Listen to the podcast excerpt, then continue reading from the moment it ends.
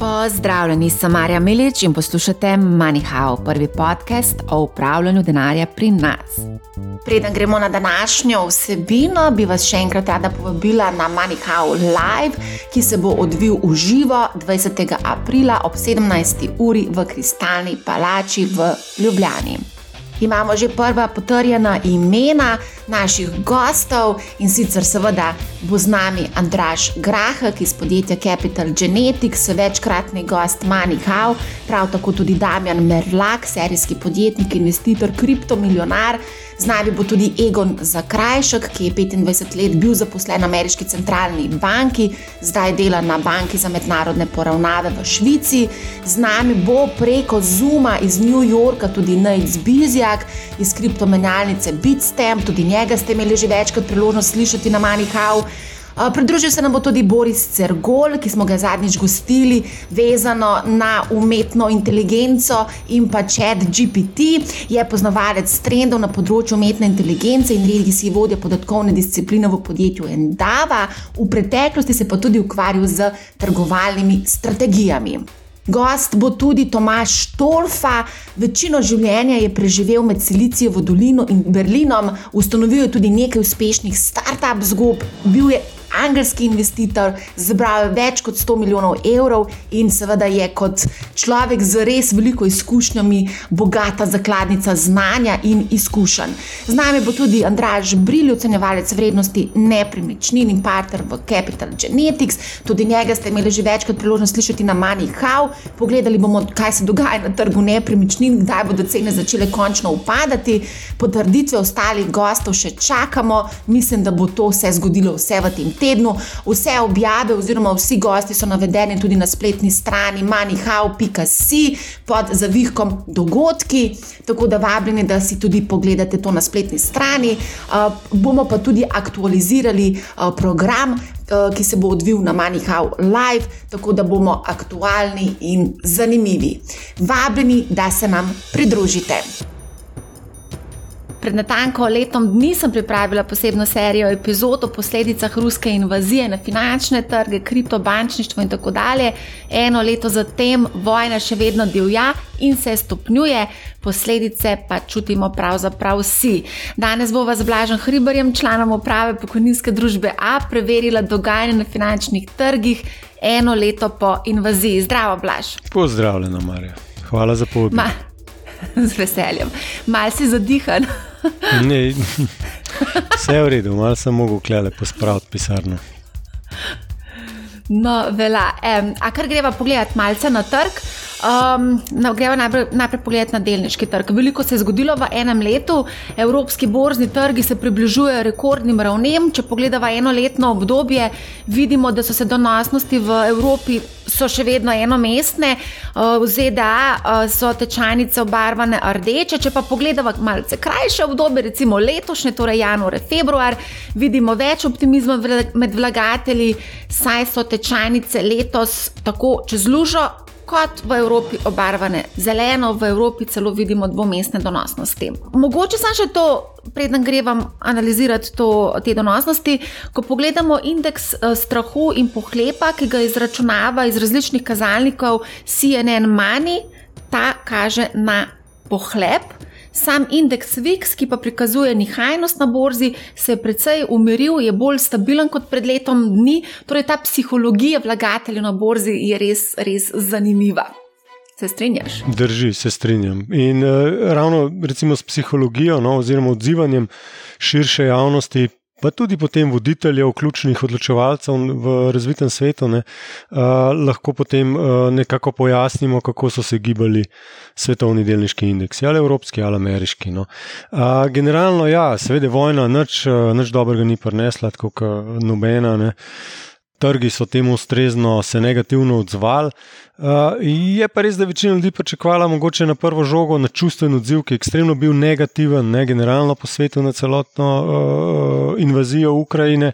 Uh, so pričakovali večje, bom rekel, pace, se mi zdi. No. Je bilo lansko leto negativno, drži, ampak znotraj celotne zgodbe uh, je bilo tudi kar nekaj uh, zmagovalcev, sektorjev zmagovalcev in v bistvu celotna zgodba, zakaj so se delniški indeksi lani lani gibali tako, kot so se, samo deloma pojasni Ukrajina oziroma predvsem energetska kriza. Glavnino pojasnila bi jaz prej iskal v tem, da je bilo to uh, prvo popandemijsko, prvo pravo, ne popandemijsko leto ne, in da se je uh, številno tisto, kar se je dogajalo med uh, ukrepi, zajezevalnimi ukrepi, končalo in to končalo odločno in moč, močno. In to je povzročilo tiste, bom rekel, prve tudi probleme no, za kapitalske trge. Ne govorim seveda o inflaciji kot glavnem problemu lanskega leta, ki se je pojavil. Ne. Zdaj omenjaš, da je bilo nekaj sektorjev pozitivnih, definitivno v ospredje, um, energija, uh, pozitivna je bila tudi panoga industrije, zdravstvo, preskrba z elektriko, plinom in vodo, materijali, negativno v letu dni pa so bile obarvane finančne storitve, informacijska tehnologija, trajne potrošne dobrine. Drži. Zdaj, Če gremo lepo, recimo, če v Evropi pogledamo, vse smo mi tudi v Evropi. Ne? V lanskem letu, v zadnjih 12 mesecev, je presenetljivo na prvem mestu banke, če smo čisti iskreni. Banke, čist kontra. banke, ja, drži. Letos banke ne, v evroobmočju oziroma v Evropi so bile tiste, ki so bile pod močnim udarom negativnih obrestnih mer zadnjih praktično od 2009 naprej. Ne? In to obdobje se je nenadoma končalo lani. Končalo se je v bistvu proti koncu leta, v zadnjem četrtletju, ne, z drastičnimi dvigi obrestnih mer centralnih bank, potem Euriborja in celo leto praktično pa postopnemu dvigovanju obrestnih mer obveznic, torej donosnosti obveznic. Ne. In uh, banke so tiste res, ki so tukaj, uh, ki zdaj žanjajo, žanjajo, žanjajo te obrestne prihodke, neto obrestne prihodke. Na eni strani dobivajo tri in več odstotne obrestne mere na popolnoma varnih ali pa z vidika bank ali pa regulatorjev bančnih varnih obveznic in uh, drugih naložb, in na drugi strani pa nam dajo za naš denar uh, na bančnem računu, uh, vem, meni nič odstotkov, no, verjetno vam tudi. Ne. Na depozitih pa nekaj malega počasi začenjajo. Torej, končno zopet banke, praktično po vem, 15 letih ali pa 10 letih najmanj v evroobmočju zopet služijo uh, za neto uh, obrestno uh, maržo, torej razliko med. Obrestno mero, po kateri posojajo, in obrestno mero, po kateri si izposojajo, torej depozitno obrestno mero. In to se pozna na delnicah bank, ne, uh, močno, predvsem v zadnjem času, ko objavljajo rezultate poslovanja v zadnjem lanskem četrtletju, ko so bile obrestne mere više. To je recimo ena taka tak uh, prikaz, uh, kako drastično se je v zadnjem letu svet spremenil. Ni povezano to direktno z Ukrajino, je pa posredno z Ukrajino. Ne. Na drugem mestu je energija, torej delnice iz naftnih podjetij, iz kdorkoli je zagotavljal energijo zahodnemu svetu, je bil lani izredno dobičkonosen. Pika. Ne, recimo za prikaz, uh, kdo je Evropi zagotavljal energijo lani. Ja, naftne družbe, ampak kje je naftne družbe? Ne? Recimo ameriške naftne družbe. En Exxon recimo, je dobavljal LNG, ne? torej, torej plin, ne?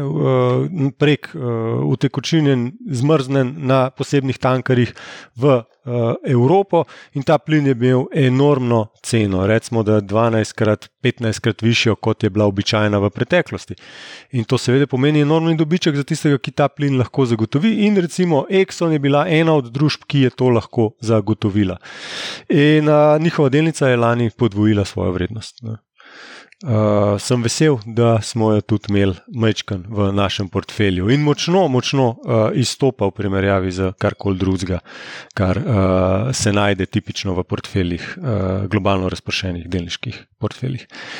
Potem pa naprej, ne, razno razne panoge, pa če greva zdaj na konec. Ne, tisto, kar je bilo najbolj na udaru lani, ne, so bile pa v bistvu vse naložbe s fiksnimi donosi. Ja, zakaj? Ja, zato, ker so se dvignile uh, obrestne mere in če ste se vi v bistvu odločili kupiti, da jim rečem, sklele na delniškem trgu, to pomeni, da so bile najslabše donosne, najbolj negativno donosne v zadnjih 12 mesecih, to je približno tretjino, so izgubile te, te delnice uh, naložbe v nepremičninske družbe. Ne.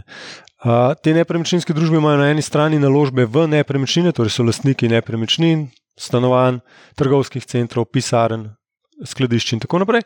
Na drugi strani imajo nekaj kapitala, lastniškega kapitala od svojih delničarjev, nekaj pa si ga običajno sposodijo na kapitalskih trgih. In seveda te družbe so prišle zdaj v, bom rekel, res neprijetno situacijo, ko na eni strani se jim močno drži to sposojanje na kapitalskih trgih. Ne? Bomo še kaj rekli na to temo, kako se je to spremenilo leto dni, ampak res drastično se je podražil vir financiranja, posojila so se podražila.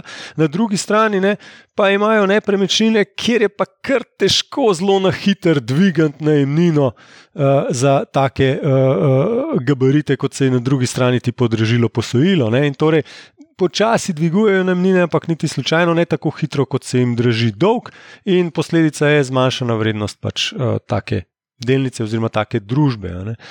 Um, torej, vse tisto, kar je v bistvu bilo nek, nekaj podobnega, kot bi rekel, neka dolgoročna naložba z stabilnim, varnim, vnaprej določljivim, fiksnim donosom. Ali je bila to dolgoročna obveznica države, ali recimo Republike Slovenije, ali pa nepremičninska družba. Mogoče samo za prikaz, s temi nepremičninskimi družbami ni samo po sebi nič narobe. Ne? V njihovih stanovanjih še vedno ljudje stanujejo, v njihovih trgovskih centrih so še vedno ljudje, ki hodijo v trgovine, hodijo v kavarne, v kinodvorane, bowlinge in tako naprej. Ampak enostavno. Se je matematika spremenila in zato cena teh uh, družb. Ne.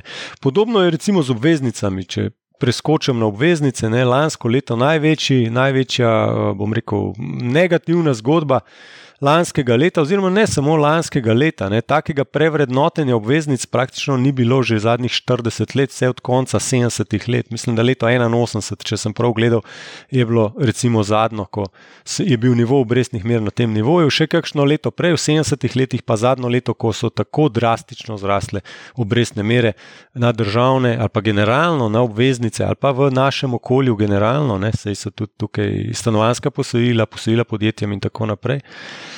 Um, skratka, res ekstremni, ekstremni premiki. No. In kaj je imelo to za posledico? Recimo slovenska državna obveznica, ki zapade leta 2032, ne, ki je bila izdana leta 2022, je, izgubila, je v tem letu izgubila uh, 23,8 odstotka. Ne. Torej, minus 23,8, če ste začetek leta kupili obveznico slovenske države, desetletno in jo konc leta prodali. To, to je enormna izguba. Zdaj boste rekli, kaj narobe s Slovenijo. Ne, nič ni narobe s Slovenijo, enako boniteto imamo, dvojni A, minus, odlično boniteto po SP 500.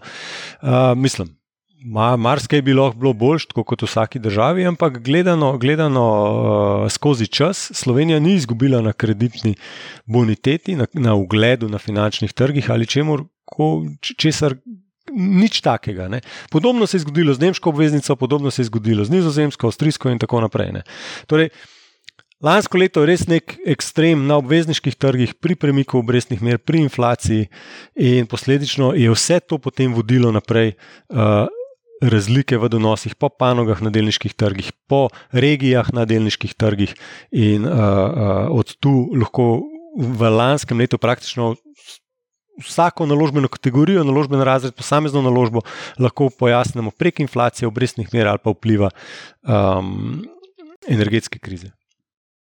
Zdaj se v bistvu zelo lepo predstavlja, da tudi obveznica lahko predstavlja na nek način tvegan, ne tvegan inštrument, nisem ta prava beseda. Ja, je tvegana Če... z velika naložbe, temu se reče obrestno tveganje in vsekakor smo to zanemarjali zadnjih 15 let. Ne, Ampak pazi to, pazi to, obveznice za fizične osebe, za nek nov trend. Um, zdaj, ko bo ECB zaprla pipco, izdajatelji seveda iščejo um, različne poti do denarja in seveda fizične osebe so tiste, ki imajo nakopičene denar. Zdaj, recimo, recimo na Hrvaškem so nedavno izdali obveznice, ker so prednost imeli prav fizične osebe pri nakupu. Samo en dan bojo odprli uh, možnost za nakup uh, institucionalnih vlagateljev, podobno je tudi v Španiji. Menda, da so tam upokojenci celo v vrsti stali za nakup te obveznice, tako so pisali na Bloombergu.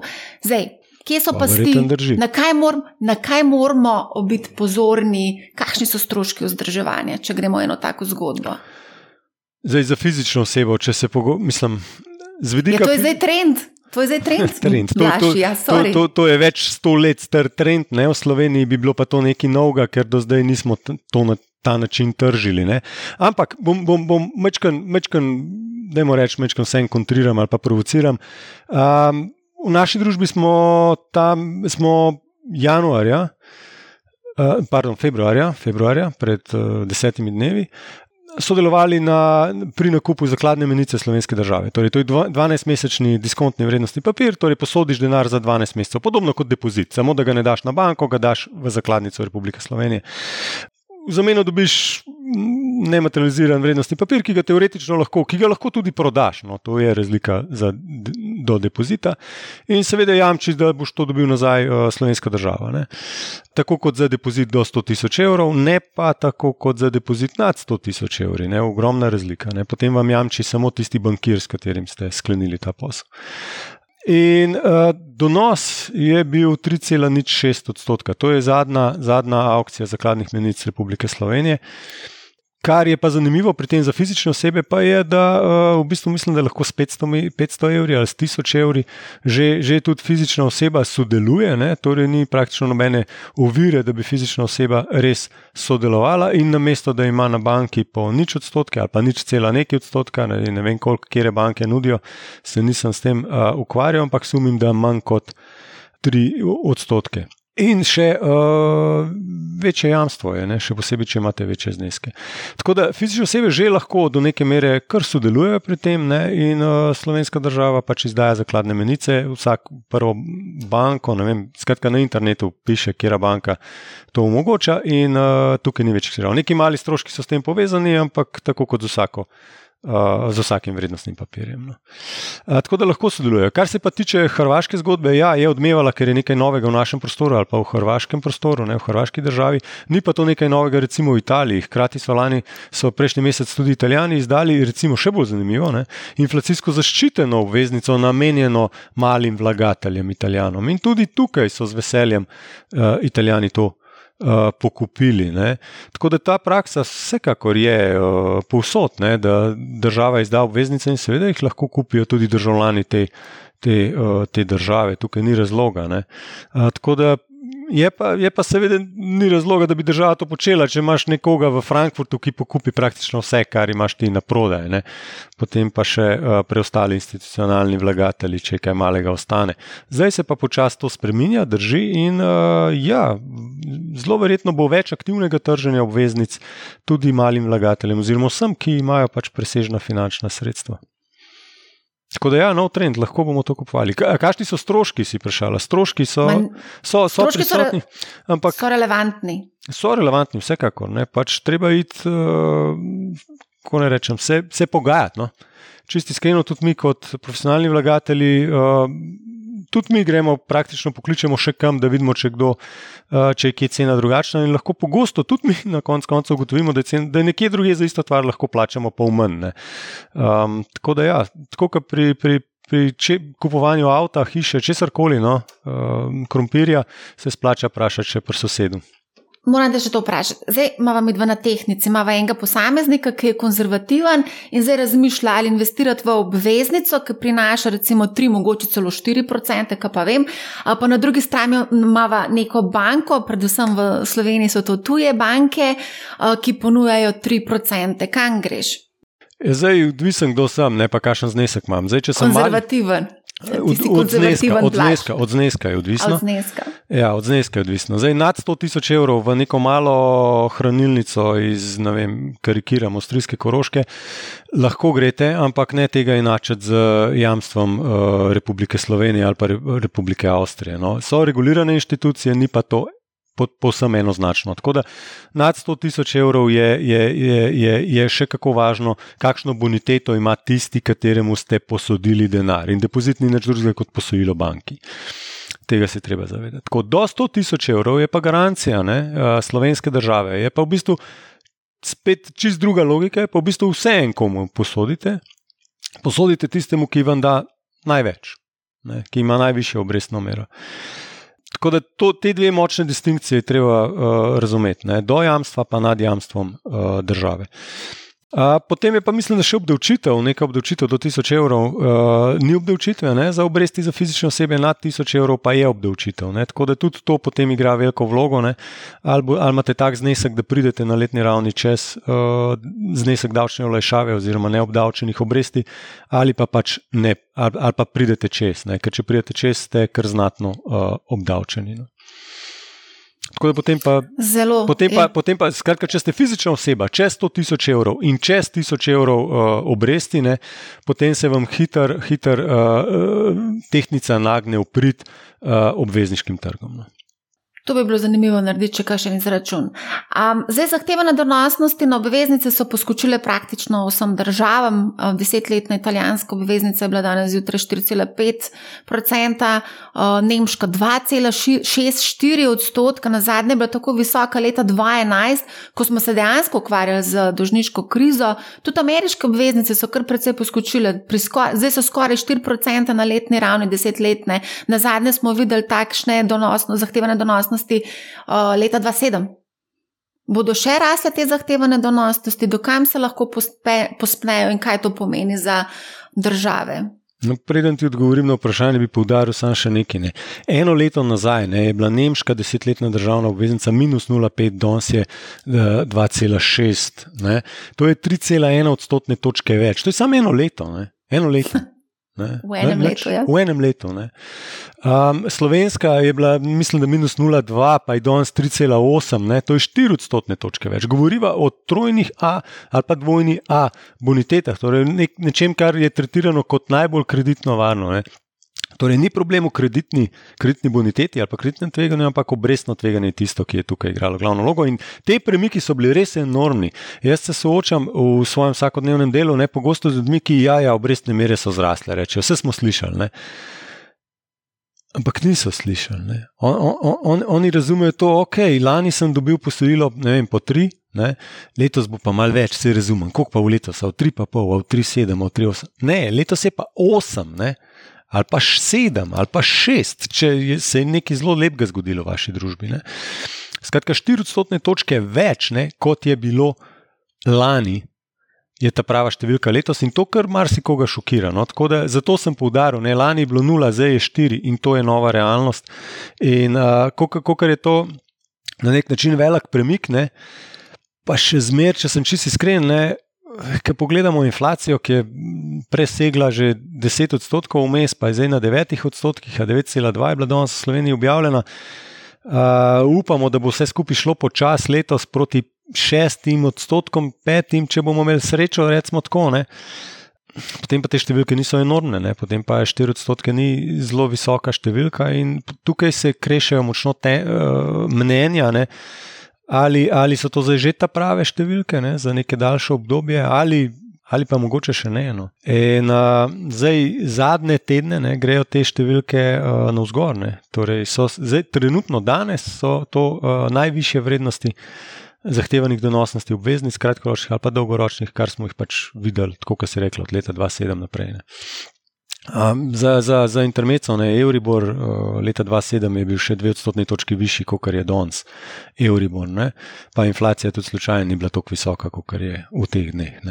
Tako da, tako da zelo težko je tukaj dobiti nek, da moramo reči, tako včasih se je lepo slišati, neki ekonometrični model izračun ne? in povedati, kjer nivo je pravilen. Ne? To je nemogoče. Vse je odvisno od uh, dejavnikov, ki niso pod kontrolo uh, nikogar izmed nas. No. V prvi vrsti ustrajnosti inflacije, v drugi vrsti pa šokov na ponudbeni strani in potem odziva javnosti, torej na, na strani popraševanja, na drugi strani. No. Ali lahko grejo obrestne mere še više, ne? če je bilo to tvoje vprašanje? Ja, lahko grejo še precej više. Ali bojo ostale na teh nivojih ali šle više, to je pa zelo nehvaležno reči. Mi smo nagnjeni k temu, da je precejšnje tveganje, da obrestne mere še porastejo tekom letošnjega leta. Logika, ki to podpira, je pa predvsem v tem, da se inflacija seli iz. Tiste pandemijske inflacije, torej ta, v prvi vrsti so bile te prve dobrine, ne, uvožene iz tujine, iz Kitajske, iz tam, kjer so bile tovarne dobesedno zaprte, teh dobrin ni bilo, kar jih je pa bilo, so bile pa zelo drage en kupenih problemov v dobaviteljskih verigah, torej šok na strani ponudbe. Ne. Potem smo iz tega šoka prišli na drug šok na strani ponudbe, ki smo mu rekli energetska kriza, uh, hrana se je podražila, vse, vse, vse, kar prihaja iz Ukrajine in Rusije, se je drastično omejilo in posledično podražilo. Um, hkrati s tem ne, se je pa sprostilo tudi ogromno denarja, prihrankov, ne, ki je bil prisilno privrčevan med pandemijo, in to je prišlo na stran povpraševanja. Torej, idealna kombinacija, da se sproži visoka inflacija, in se je sprožila. Problem, ki pa zdaj nastaja, ne, je pa, da se ta visoka inflacija ugrajuje naprej v druge storitve, v druge cene, ki v prvi vrsti sicer nimajo veze z Ukrajino ali pa s pandemijo, še kako vplivajo na našo inflacijo in so tiste najbolj cene, ki ne bi bile najbolj stabilne, ki ne bi bile najbolj, ekonomisti rečejo ali pa rečemo, da so lepljive, da so stiki. Ne. In uh, to se zdaj dogaja. Ne. Kot najbolj plastičen prikaz tega pa, uh, je pa rast plač oziroma ugrajena rast plač, recimo v Sloveniji. Sloveniji tudi pokojnin in uh, javnega sektorja. Ko enkrat pokojnine vsake tri mesece zrastejo za 4-5 odstotkov, je ekstremno težko ustaviti uh, inflacijo, ne, brez, da, brez da se nekaj močno spremeni. Ne. Ali drastičen dvig obrestnih mer, ali pa recesija, ali pa oboje. Ne. To je tisto, kar običajno v zgodovini je prekinilo, uh, prekinilo pač to, kar se zdaj dogaja. No. Torej, ugrajeno trmasto inflacijo. A se bomo ujeli v vrtinec, viš po viš, više inflacije in višanja plač? Smo že ujeti v to. Smo že ujeti. Koliko časa pa misliš, da se bomo vrteli v tem dokler, vrtincu in dok, da nas bo izpljuvalo ven? Dokler ne bo prišlo do recesije, oziroma če povem še bolj konkretno, ne, dokler se ne bo začela povečevati brezposelnost. Ne. Dokler imamo mi nižajočo se brezposelnost in statistični urad je ravno včeraj objavil, da je 3,5 odstotna najnižja v zgodovini, kadarkoli kadarkoli, odkar Slovenija obstaja, oziroma odkar statistični urad obstaja. Ne? In podobna situacija je v evromočju, podobna situacija je v Ameriki, ne? skratka v zahodnem razvitem svetu. In v takem okolju enostavno ne moš pričakovati, da ljudje ne bodo zahtevali višjih plač, če je hrana se podražila za 20 odstotkov, ne? če so se avtomobili podražili za 30 odstotkov in tako naprej. In, tako naprej, tako da, in seveda delodajalec nima moči, da bi rekel ne, ne? ker potem bo brez zaposlenih. Tako da v to smo zdaj ujeti, torej tako imenovano plačno inflacijsko spiralo smo zdaj ujeti. Ne? Kako pa to presekati? Ja, vidimo, centralne banke so postale zelo agresivne, vsaj v retoriki zaenkrat, ampak trgi vse bolj verjamejo v to, da bojo tudi v dejanjih. Torej, FED je dvignil že na 4,75, 4,5 do 4,75 odstotka in se pričakuje, da bo šel proti 5,5 do jeseni. ECB 2,5 na depozitni obrestni meri, ne se pričakuje, da bo šla. Danes so bile že uh, neki članki, neki naslovi, oziroma iz kapitalskih trgov izhajajoči podatki, uh, da se pričakuje, da bo šla proti 4 odstotkom ne, do konca leta. Um, skratka, restriktivna denarna politika je tista, ki to lahko zabremza. Alternativa je samo restriktivna fiskalna politika, če sem realen tega v okolju. Uh, kakršen smo, uh, ni realno za pričakovati, ne smo v okolju, da moramo reči neke vojaškega konflikta, ne, kjer države se trošijo za obrambo, trošijo predvsem za energetsko varnost, torej za nove zelene tehnologije, in trošijo tudi za subvencije za vse težave, ki, ki jih prinaša ta svet. Ne.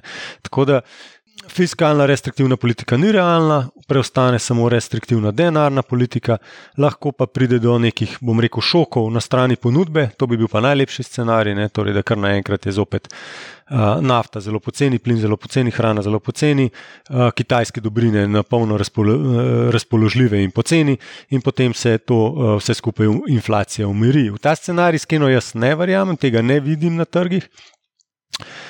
Evropa je šla zdaj na uh, pot spremembe uh, celotne energetske strukture, torej stran od ruskega plina, stran od fosilnih goriv, in elektrika zelena bo pač dražja. Veliko investicij bo potrebnih, to je zagon gospodarstva, in kar bo prišlo na koncu ven, bo pač dražja. Uh, elektrika to pritiska na povišanje cen vsega ostalega. Elektrika je osnova ali pa sestavni del vsega, kar pač mi počnemo. Imamo, Tako da to, to je en vidik, drugi vidik je pa deglobalizacija. Ne? Če smo od 90-ih let naprej skozi govorili o globalizaciji in učinkih na, na deflacijo oziroma na nižanje cen, ne? vsakič, ko je evropski proizvajalec dvignil cene, ne vem, nečesa, ne se je najdel turški ali pa kitajski proizvajalec, ki je ponudil to po nižji ceni in smo šli kupovati kitajske izdelke, ne vem, oblačila iz Bangladeša, pa Vietnama, eh, in tako naprej. In, tako naprej, in to, je, to je bremzalo rast cen v, v zahodnem svetu, zdaj pa ta proces, eh, se bojim, da obrnem. Torej, zdaj proizvajalci, bom rekel, želijo imeti dobavitelje blizu sebe, ne, želijo imeti. Eh, večjo varnost dobave, in to sabo tudi prenese nekoliko pač povišanje stroškov, in to se, pre, pre, se prenaša pač v končne cene. In to so strukturni dejavniki, ki govorijo prid uprit uh, višji, višjim cenam, višji inflaciji. Ne. Mogoče še en argument, no, ki ga običajno imam na temo više inflacije v naslednjem srednjem roku, to pa je uh, fiskalna politika. Torej, trošenje ali pa vrčevanje, ki ga reklamirajo in izvajajo voditelji evropskih ali pa svetovni voditelji. Ne. In če smo od leta 2009 do COVID-a, do leta 2020, ne, skozi poslušali o vrčevalnih ukrepih, o maastrichtskih kriterijih, o proračunskem primankljaju, o javnem dolgu glede na BDP. Ne. Vsi smo že znali na pamet, koliko je javni dolg Grčije, glede na BDP, koliko je javni dolg Italije na BDP in koliko je javni dolg Slovenije na BDP. Danes noben več teh številk prav resno ne gleda, niti ne jemlje. Ne. Um, razlog je pa v spremenjeni retoriki in strategiji, po mojem mnenju, pač svetovnih voditeljev, ki so se zdaj usmerili po 10-15 letih vrčevanja v. v v, bom rekel, trošenje. Ugotovili so, da lahko tudi COVID v bistvu zajezijo, posledice COVID-a zajezijo z denarjem, z subvencijami in s poplavo uh, državnega trošenja. In potem je prišla energetska kriza, podobna logika, vse države so zajezile rast cen energentov, ogrevanja in vsega ostalega, prenesle to na pleča države. In ta logika verjetno bo se nadaljevala. Torej, ko bo prišlo do tega, da se lahko problem omili z državnim trošenjem, sumim, da bo to uh, prevzeta izbira pri svetovnih voditeljih v naslednjih letih. To pa deluje inflacijsko, seveda, na, na, na, na gospodarstvo. In smo začarani v krogu. Danes so države v bistvu v slabši finančni kondiciji kot pred dužniško krizo, če gledamo razmerje med državnim dolgom glede na BDP. Je pa res, da je politika ECB ugodno vplivala na strošek dolga oziroma na obresti, ne? Vsekakor. Pač drastično znižala v negativno območje ne, za Slovenijo in za Nemčijo. Torej, nekaj časa smo živeli v narobe svetu, ne, dobesedno narobe svetu, ko si je država izposodila denar in je lahko vrnila manj, kot si je izposodila. Ne. Um, kljub temu, da smo imeli nekaj malega inflacije, ne, smo morali biti vlagatelji s tem zadovoljni. Ne. Seveda nismo bili, smo iskali druge alternative, ampak uh, tak svet je takrat bil. Zdaj se vračamo v neko malce bolj normalno okolje, pa še nismo čist tam. No, to bi mogoče tudi poudaril. Sloven, uh, recimo, nemška državna obveznica desetletna nosi zdaj 2,6-2,7 odstotka te dni. Uh, pričakovana inflacija v naslednjih desetih letih, sodeč po. Uh, zaščiti za inflacijo, oziroma inflacijsko zaščiteni državni obveznici, nemški, ne, je pa 2,5 odstotka. Ne. Torej, nekaj malega plusa je zaenkrat za pričakovati, če kupite najvarnejšo, uh, bom rekel, osnovno naložbo, to je desetletno nemško obveznico. Premal. Ne. Ta prava številka, zgodovinsko gledano, ko ni bilo vplivov centralnih bank, uh, se je vrtela, bi jaz rekel, pa tukaj so spet recimo, pogledi malo različni, ampak jaz bi jo dal nekje na okrog 2 odstotka. Ne. Torej, če ti posodiš državi, torej najvarnejšemu dolžniku za 10 let svoj denar, jaz bi rekel, saj nekaj 2 odstotka na leto, realno, ne, bi bilo smiselno, uh, da si zaslužiš. Če je veliko manj, nisem motiviran, veliko več pa niti ne rabi biti. No. In od tega smo še kar, tega smo še kar oddaljeni. No. Ali lahko še malo o tem eksperimentu ECB, če lahko temu tako rečem? ECB ima trenutno v lasti 27 odstotkov dolga evrskih držav, z marcem se pa izteka program odkupa obveznic ECB, oziroma bo začela postopoma zmanjševati proces reinvestiranja, kar pomeni, da bo manj likvidnosti. Nekateri programi sicer še ostajajo. Um, kako bo se to vplivalo na obvezniški trg? Zdaj nekateri analitiki pravijo, da ne pričakujejo nekih revolucionarnih sprememb zaradi tega. Ja, jaz jih. 27 odstotkov celotnega državnega dolga je ogromna številka, res pa je, da jih ne pričakujem tako, bom rekel, čez noč ali pa v trenutku. Jaz bi to dal v nek kontekst nekaj večletnega dogajanja, 3 do 5 let. Ne? In če je ECB zdaj, če gremo zdaj v režim rahlo povišene inflacije ali pa normalne inflacije, kjer inflacija je nek problem, o katerem se bomo pogovarjali, in ECB je tista, ki jo more zaeziti, potem bo morala prenehati z kupovanjem pač državnih vrednostnih papirjev. Ne.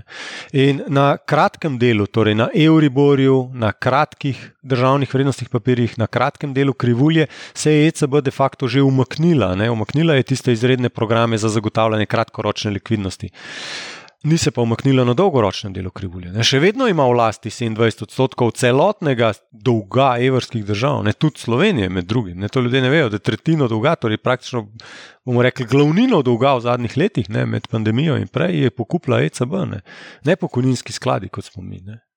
Ne.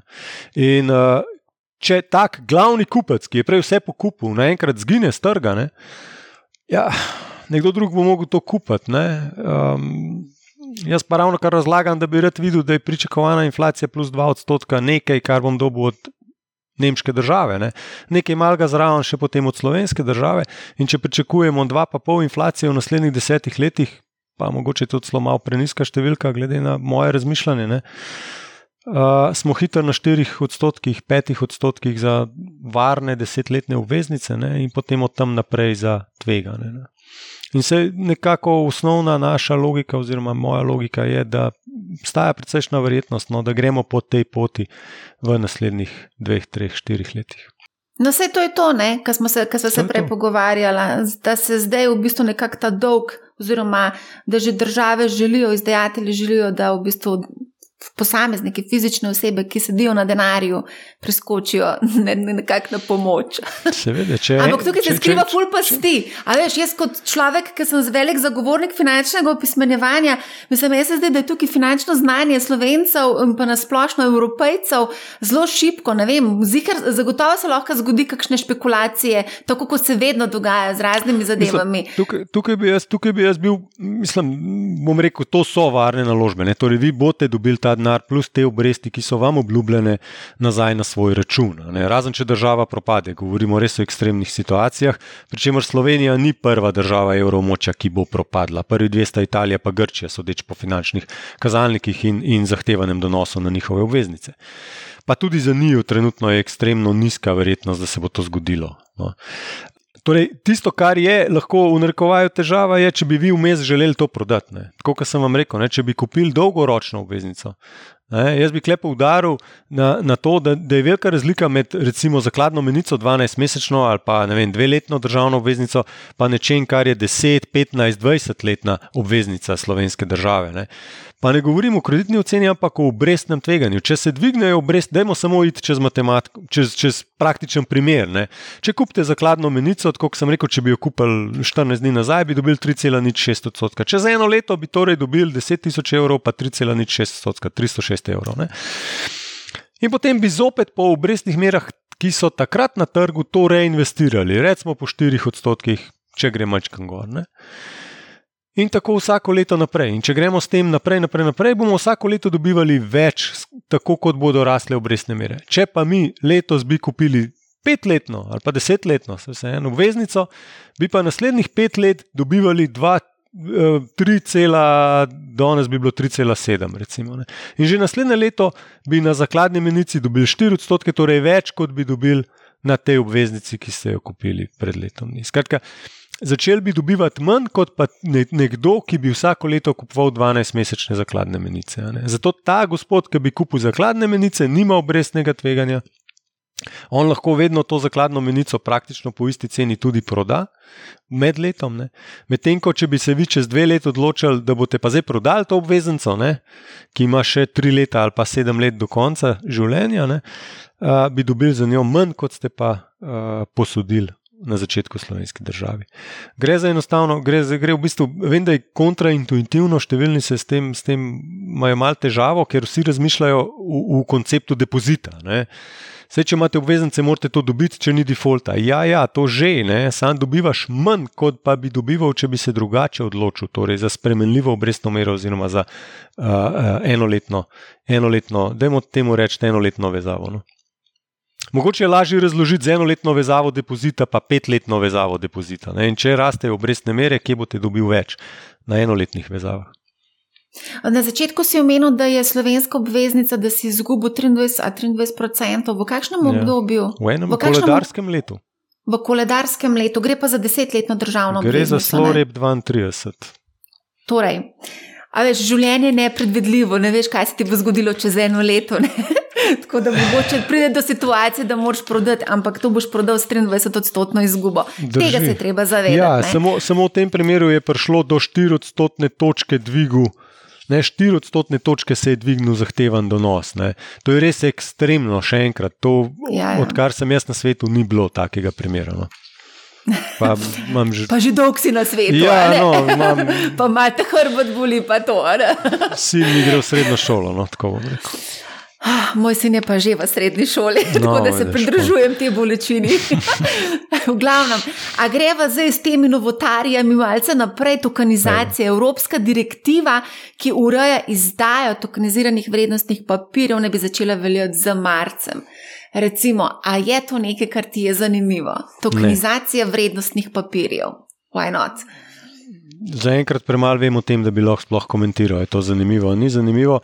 Če sem pa čisto iskren, kapitalski trg svetovni, ne, uh, da moram reči, da je to tako, kot se rekla, novotarija, ne, ampak vse, kar obstaja na tem kapitalskem trgu, torej denar, ki je sredstva, ki so prek obstoječih, uh, bom rekel, mehanizmov ne, za institucionalne vlagatelje, smo več kot dovolj. Uh, bom rekel, servisirani. Ne? Torej, vsako podjetje, ki želi kapital ali dolg, ima možnosti, da do tega pride, če ima, seveda, na drugi strani uh, argumente, pri, pri, pač ponudbo, ne, ki nam je zanimiva. Ne?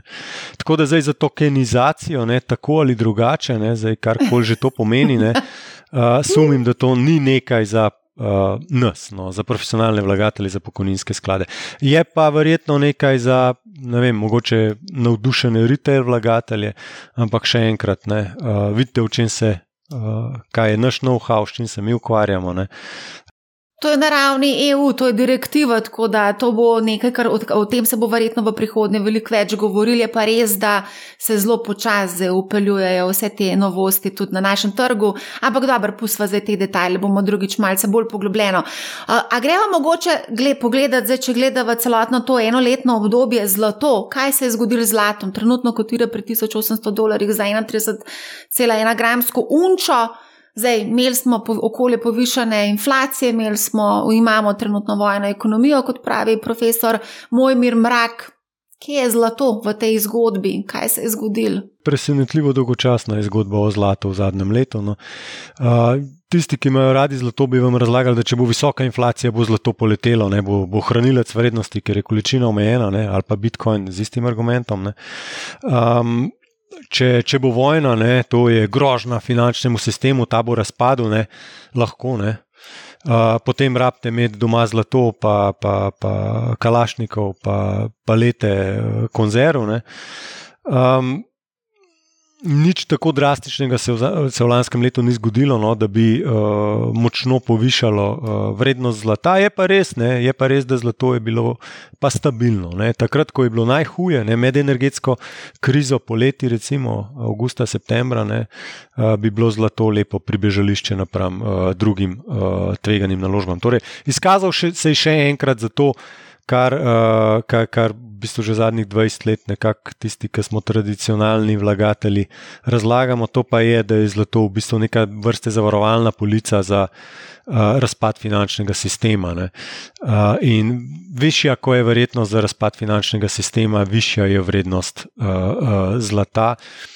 Um, Torej, najvišja vrednost je bila 2,9, zelo visoka je bila, potem, potem je raslo do 2,12, ne, evropska državna kriza, in uh, od takrat dalje pač se zadeve malo umirjajo. Uh, predvsem pa lansko leto, no, je, kaj pa vem, no, tudi jaz sem bil malenkost razočaran nad tem. No, če bi imel zlato, bi bil malo razočaran, da se ni bolj odzval uh, z rastjo vrednosti, takrat, ko so bili šoki, ko je bila tista invazija na Kijev, ko je bil višek energetske uh, panike v Evropi. Yeah.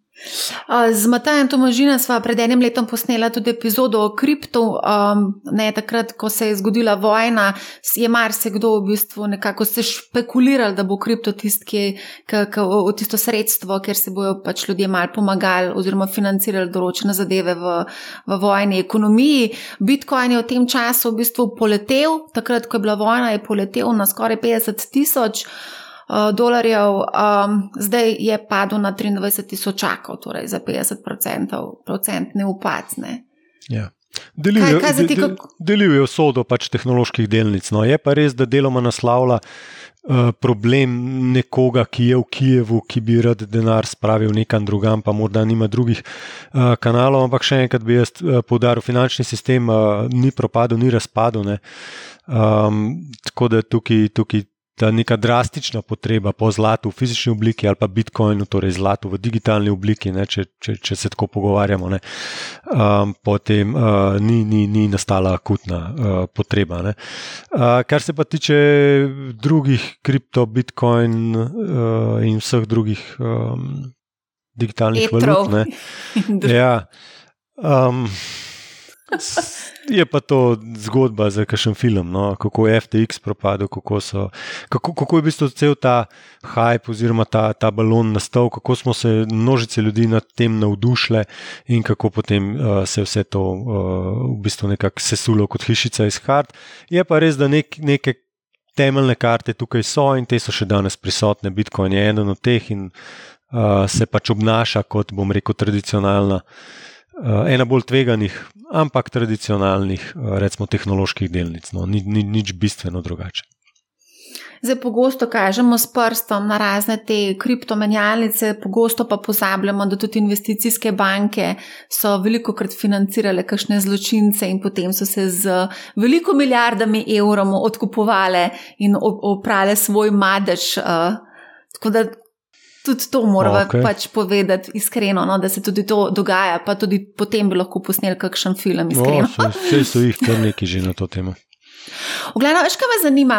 Um, 9. marca sm, uh, so v bistvu tam uh, Rusijo izključili iz MSCI-ja, to je referenčni um, naložbeni indeks. Uh, in sicer zdaj to obravnavajo kot samostojni uh, indeks ruskih delnic uh, in ne več v sklopu uh, delniških indeksov trgov v razvoju. Kako je to zdaj vplivalo recimo na sklade ali pa na portfelje, kako so se v bistvu prilagodili? Ja, težko. Ne. Zdaj to, to targetira predvsem pač uh, vlagatelje iz zahodnega sveta. Ne. MSCI indeksi so pogosti referenčni indeksi, recimo za vzajemne sklade, tudi za pokojninske sklade. In dokler je ta naložba v indeksu, jo načeloma lahko imaš ali pa jo imaš, odvisno od analitske strateške alokacije sredstev. Um, Po drugi strani imaš tudi indeksne sklade, imaš ETF-e, ki avtomatsko sledijo takim indeksom. Ne?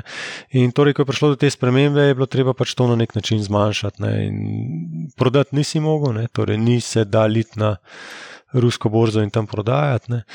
In a, torej si lahko, kaj pa vem, kaj so naredili, čisto iskreno. Ni, nisem ta prav za to vprašanje, nismo imeli ruskih delnic, um, tako da ne znam odgovoriti, sumem pa, da so enostavno prevrednotili na nič ne, in šli dalje uh, za življenjem. Mm. Sodeč po um. vepih, no, v tistih dneh, ne, torej vzajemnih skladov zahodnega sveta, ki so imeli ruske delnice, so naredili to, kar sem rekel. Ja. Če ne moš prodati, je vredno nično. Mogoče uh, sem še to, to sem danes gledala, najbolj donosne borze na svetu, Slovenija med njimi. Mislim, da je deveta najbolj donosna. Mogoče lahko še malo pokomentiramo na hitro slovenski trg. Kaj ne rečem, super, kaj? super rasti cen slovenskih delnic. Ne? Pač Krka odlično posluje, NLB fantastično posluje, Petrol, upajmo, da bo zopet dobro posloval, ko ne bojo eh, se države mešale v cenovno politiko na benzinskih črpalkah. Um, tako da imamo zrele, dobro, profitabilne firme v okolju polne gospodarske aktivnosti, kako ne rečem, ni brezposelnih, ne? noben ni brezposlen, razen na svojo željo praktično. In uh, v takem okolju pač te družbe uh, odlično poslujejo. No? Zdaj si omenjal, da imamo dobro gospodarsko okolje. Kako ti vidiš, recimo, naslednje leto? Govorilo se je predvsej o recesiji, ja, omenjalo se je ja. celo stagflacijo, kje smo zdaj s temi scenariji. Eh, zaenkrat se je pokazalo v teh dveh mesecih letošnjega leta, da je gospodarstvo, predvsem pa potrošnik, presenetljivo odporen na vse te gobe tega sveta. Ne. Mene je bilo fascinantno lani, ne, ko sem gledal razpoloženje potrošnika v Evropi, Sloveniji, v, v Ameriki. To, to so bili depresivni podatki. To je bilo na nivoju leta 2009, ko so banke dobesedno prodajale, ko so vsak dan je bila vojska brezposelnih na zavodu. Ne dobesedno popoln, bom rekel, gospodarski polom. Uh, te indeksi so bili na teh nivojih, ne? zaradi inflacije in zaradi razpoloženja povezanega z Ukrajino. Ampak potrošnik se ni skril nazaj v svoje stanovanje, v svoje bunkere, ampak je vseeno šel ven in trošil in uh, do neke mere uh, zopet užival, ne vem. Storitve življenja, no? šel v restauracije, kine, potovanja, in tako naprej. In kljub temu, da je bil slabe volje glede razmer, je vseeno rekel: lete, uh, dve leti sem bil zaprt, zdaj bi pa vseeno. Se je pogumil in šel, šel, šel, šel po storitve, šel po dobrine. In uh, to, to, to je bilo, bom rekel, neko presenečenje no, na kapitalskih trgih, ne, da so podatki v, bistvu v zadnjem času uh, tako spodbudni. Še posebej spodbudni so paratali v zadnjih dveh mesecih, ko je postalo jasno, da energetska kriza uh, Evrope ni tako akutna več, da smo jo osebinsko rešili z LNG, da smo jo rešili z vrčevanjem, da smo jo rešili konec koncev tudi z nakupovanjem uh, ruskih energentov še naprej. Um, čeprav se o tem manj govori. Ne. Skratka, da ni tako hudo, kot so nas pa strašili, ali pa smo se sami ustrašili. In od tukaj je bil nek zagon. Pri potrošniku v zadnjih dveh mesecih viden, decembra, januarja, februarja, in od tukaj uh, zdaj lahko rečemo, da te obrestne mere, ne, ki so zrasle, ne, še ne vplivajo na, znatno ne vplivajo na potrošnika, ne vplivajo na gospodarstvo, in uh, da bo to šele prišlo. Ne. In uh, vmes bojo pa verjetno centralne banke še dodatno zategovale, ne? ker enostavno druge opcije, mislim, da ne vidim, nimajo v trenutni, trenutnih razmerah. In potem bo z zamikom, ne, bom rekel, z zamikom bo ta restriktivna denarna politika pa res. Uh, prišla v gospodinski vsak dan, v gospodinske finance, osebne finance, uh, ko bomo res se pogovarjali, ali je smotrno kaj kupiti, trajno dobrino ali pa dati na depozit po 4-5 odstotni obrestni meri. Če gre inflacija nazaj proti 4 odstotke, pa če dobimo obrestne mere proti 5 odstotkom, potem bo to nekaj, česar nismo videli vse od 2-7 naprej. In jaz mislim, da bo marsikdo takrat drugač se odločil, kot se pa še danes odloča, inflacija 10 posto, pa mu, pa mu razlaga nek finančnik, da lahko na zakladni menici dobi 3 odstotke. To, to ni posebej privlačno. Ko pa, ko pa bo zakladna menica morda 5-6 odstotkov, pa uh, bo inflacija, uh, bom rekel, taka, da je ne bo zaznati v vsak dnev, vsakodnevnih aktivnostih. Um, bomo pa zopet v drugih okoliščinah. In takrat pa bo stagflacija, in če bo, šle, če, bo, če bo šlo predaleč, bo lahko tudi recesija. Kdaj? Jaz sumim, da druga polovica letošnjega leta bi znala biti z tega vidika bolj zanimiva, oziroma uh, potem smo že v naslednjem letu, 2024. Uh, mogoče kle še malo empirike, no, običajno rečejo no, centralni bankiri, da njihovi ukrepi, ne, torej dvigi referenčnih obrestnih mer, imajo zapoznev vpliv. Torej, legging po angliško. In običajno po tem jih seveda naslednje vprašanje je, koliko pa zamujajo ne, uh, vaši ukrepi na, v na ulico, ne, s kakšnim zamikom pridejo na ulico v odločitve posameznikov, v gospodarstvo. Ne. In oni rečejo, ja, nekje med pol leta do leta, pa pol. Ne. In potem takim kot sem jaz, ne finančnikom, to prav veliko ne koristi, ker to je zelo širok pojem.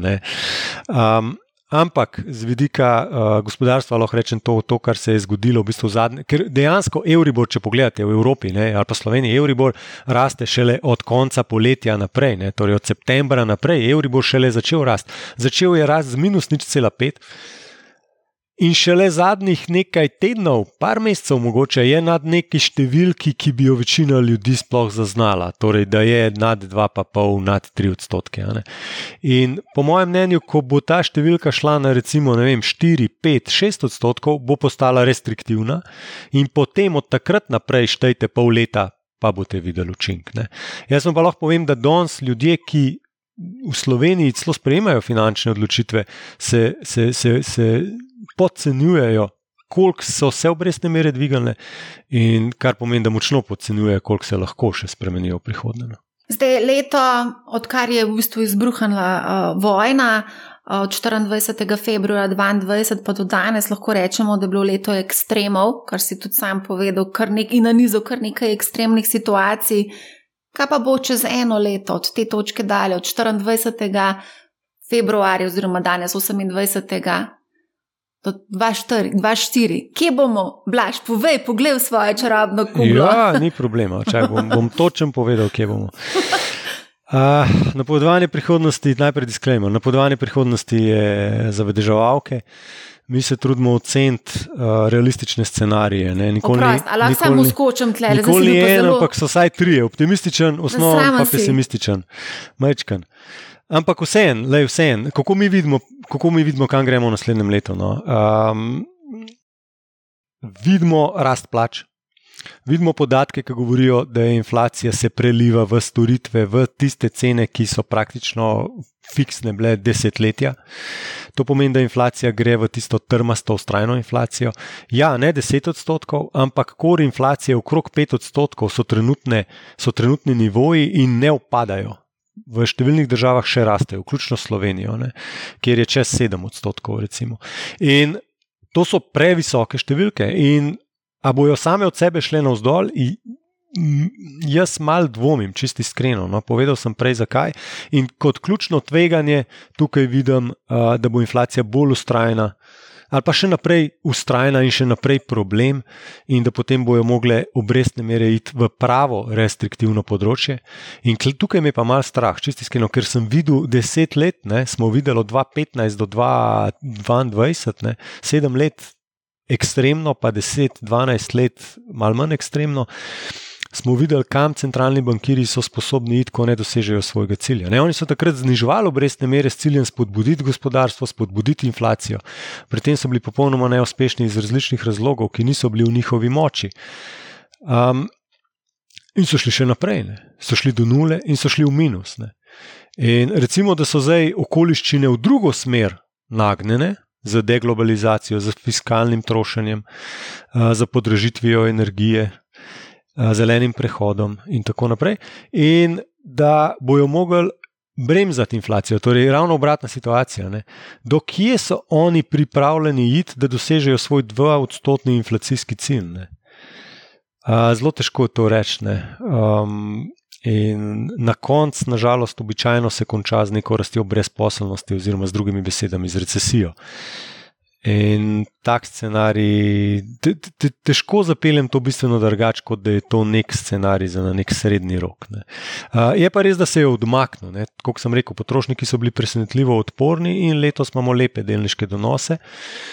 Uh, upam pa, da bo tako nadaljeval. Tako kot sem pa rekel, no, pričakujem, da bo potrošnik to težo višjih obrestnih mer začel čutiti, ko bo pol leta Euribor nad, recimo od danes naprej pol leta, pa sumem, da bo tudi v Sloveniji marsikaj drugač, ko se bomo v gostilni pogovarjali o obrestnih merah. Zaenkrat se v gostilni še vedno jaz, jasno pogovarjamo o ceni elektrike, plina in uh, Ukrajini.